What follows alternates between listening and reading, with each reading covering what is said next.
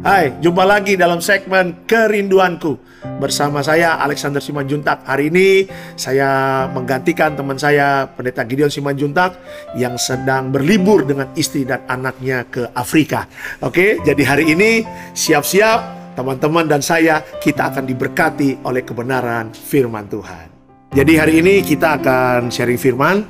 Dan sebelum sharing firman kita akan doa dulu Terima kasih Bapak di sorga, kami mengucap syukur bahwa setiap firman ditabur, kita percaya bisa menjadi berkat bagi setiap teman-teman yang menonton segmen ini, dan kita percaya selalu ada mujizat bagi orang-orang yang percaya kepada Tuhan. Dalam nama Tuhan Yesus, haleluya, amin.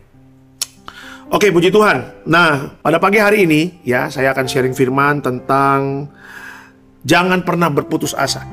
Ya, siapa pun hari ini, setiap teman-teman yang mengalami beban berat, mengalami namanya situasi yang sulit, Alkitab mengajarkan kepada teman-teman dan saya untuk jangan pernah berputus asa. Kita ambil dari kebenaran firman Tuhan dalam Alkitab kita dari Mazmur 43 ayatnya yang kelima. Alkitab mengatakan, "Mengapa engkau tertekan hai jiwaku dan mengapa engkau gelisah di dalam diriku? Berharaplah kepada Allah, sebab aku bersyukur lagi kepadanya, penolongku dan Allahku. Tuhan Yesus selalu mengajarkan kepada kita untuk berani percaya. Ya, putus asa adalah suatu keadaan setiap kehidupan kita yang benar-benar belum mengerti akan kebenaran firman Tuhan. Jadi sebagai anak Tuhan, kita tahu bahwa kekuatan kita, pengharapan kita itu datangnya dari Tuhan. Tuhan tidak mau teman-teman dan saya berputus asa. Tuhan tidak mau teman-teman dan saya bimbang. Tuhan tidak mau teman-teman dan saya hidupnya menjadi ketakutan. Karena apa? Karena roh kita lebih besar dari dunia ini. Teman-teman dan saya kita diurapi, kita dipimpin oleh Roh Kudus. Coba teman-teman bayangkan, ya, kalau hidup kita tidak ada Roh Kudus, kita akan banyak mengalami kekalahan-kekalahan. Kehidupan akhir zaman, Alkitab mengatakan akan menghadapi masa-masa sukar. Oleh karena itu, dalam segmen ini kita diingatkan, ayo jangan pernah berputus asa. Tuhan selalu ada beserta kita. Tuhan selalu menyertai kita. Ingat, kalau acara Natal selalu berkata Alkitab mengatakan Immanuel, Allah menyertai kita, Allah beserta kita. Jangan pernah takut dan bimbang. Lakukan saja apa yang menjadi bagian kita sebagai pelajar, sebagai hamba Tuhan, sebagai pelayan di gereja, sebagai orang-orang yang kerja di sekuler. Kerjakan saja bagian kita. Tuhan selalu ada menjadikan kita berhasil. Tuhan selalu ada meluputkan kita dari segala yang jahat.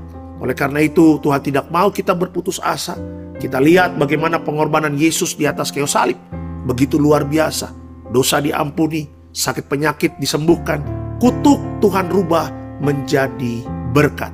Oleh karena itu, walaupun dalam keadaan pandemi corona, kita percaya bahwa Tuhan tetap pegang kendali hidup kita.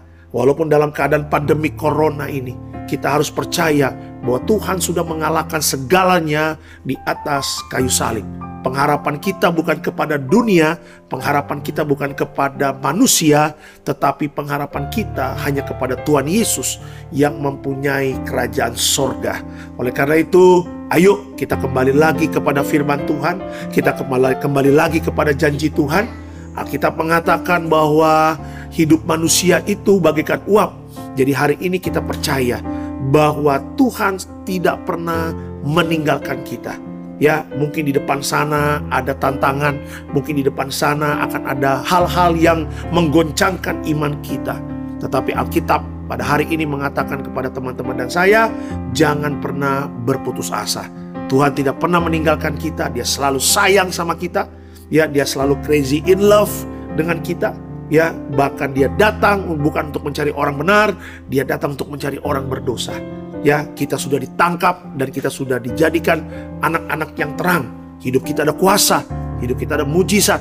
Sebagai anak-anak Tuhan jangan pernah minder untuk menghadapi masa depan. Ya, saya doa setiap anak-anak muda yang nonton atau siapa pun jemaat Tuhan yang nonton pada hari ini, ingat bahwa kita itu kaya akan talenta, kita itu kaya akan berkat, kita itu kaya akan kuasa, kita itu kaya akan mujizat Tuhan.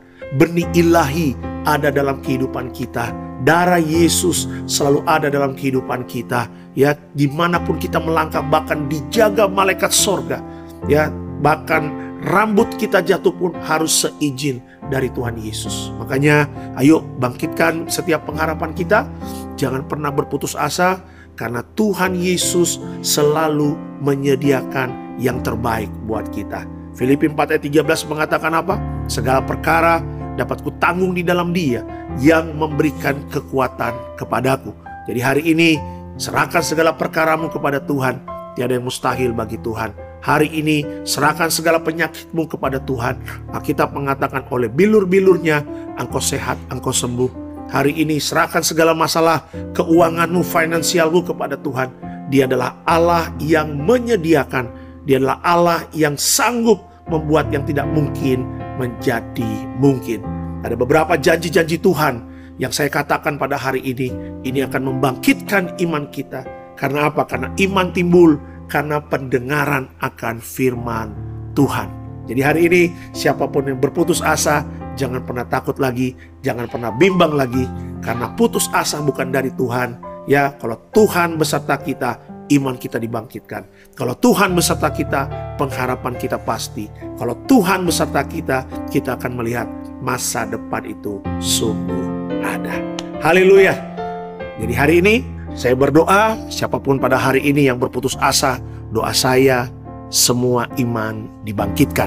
Kita punya pengharapan yang pasti kepada Tuhan Yesus. So, bagikan kabar baik ini kepada banyak jiwa-jiwa yang memerlukan pertolongan dari Tuhan Yesus. Satu hal yang harus diingat kepada teman-teman bahwa yang punya sorga crazy in love with you. God bless you.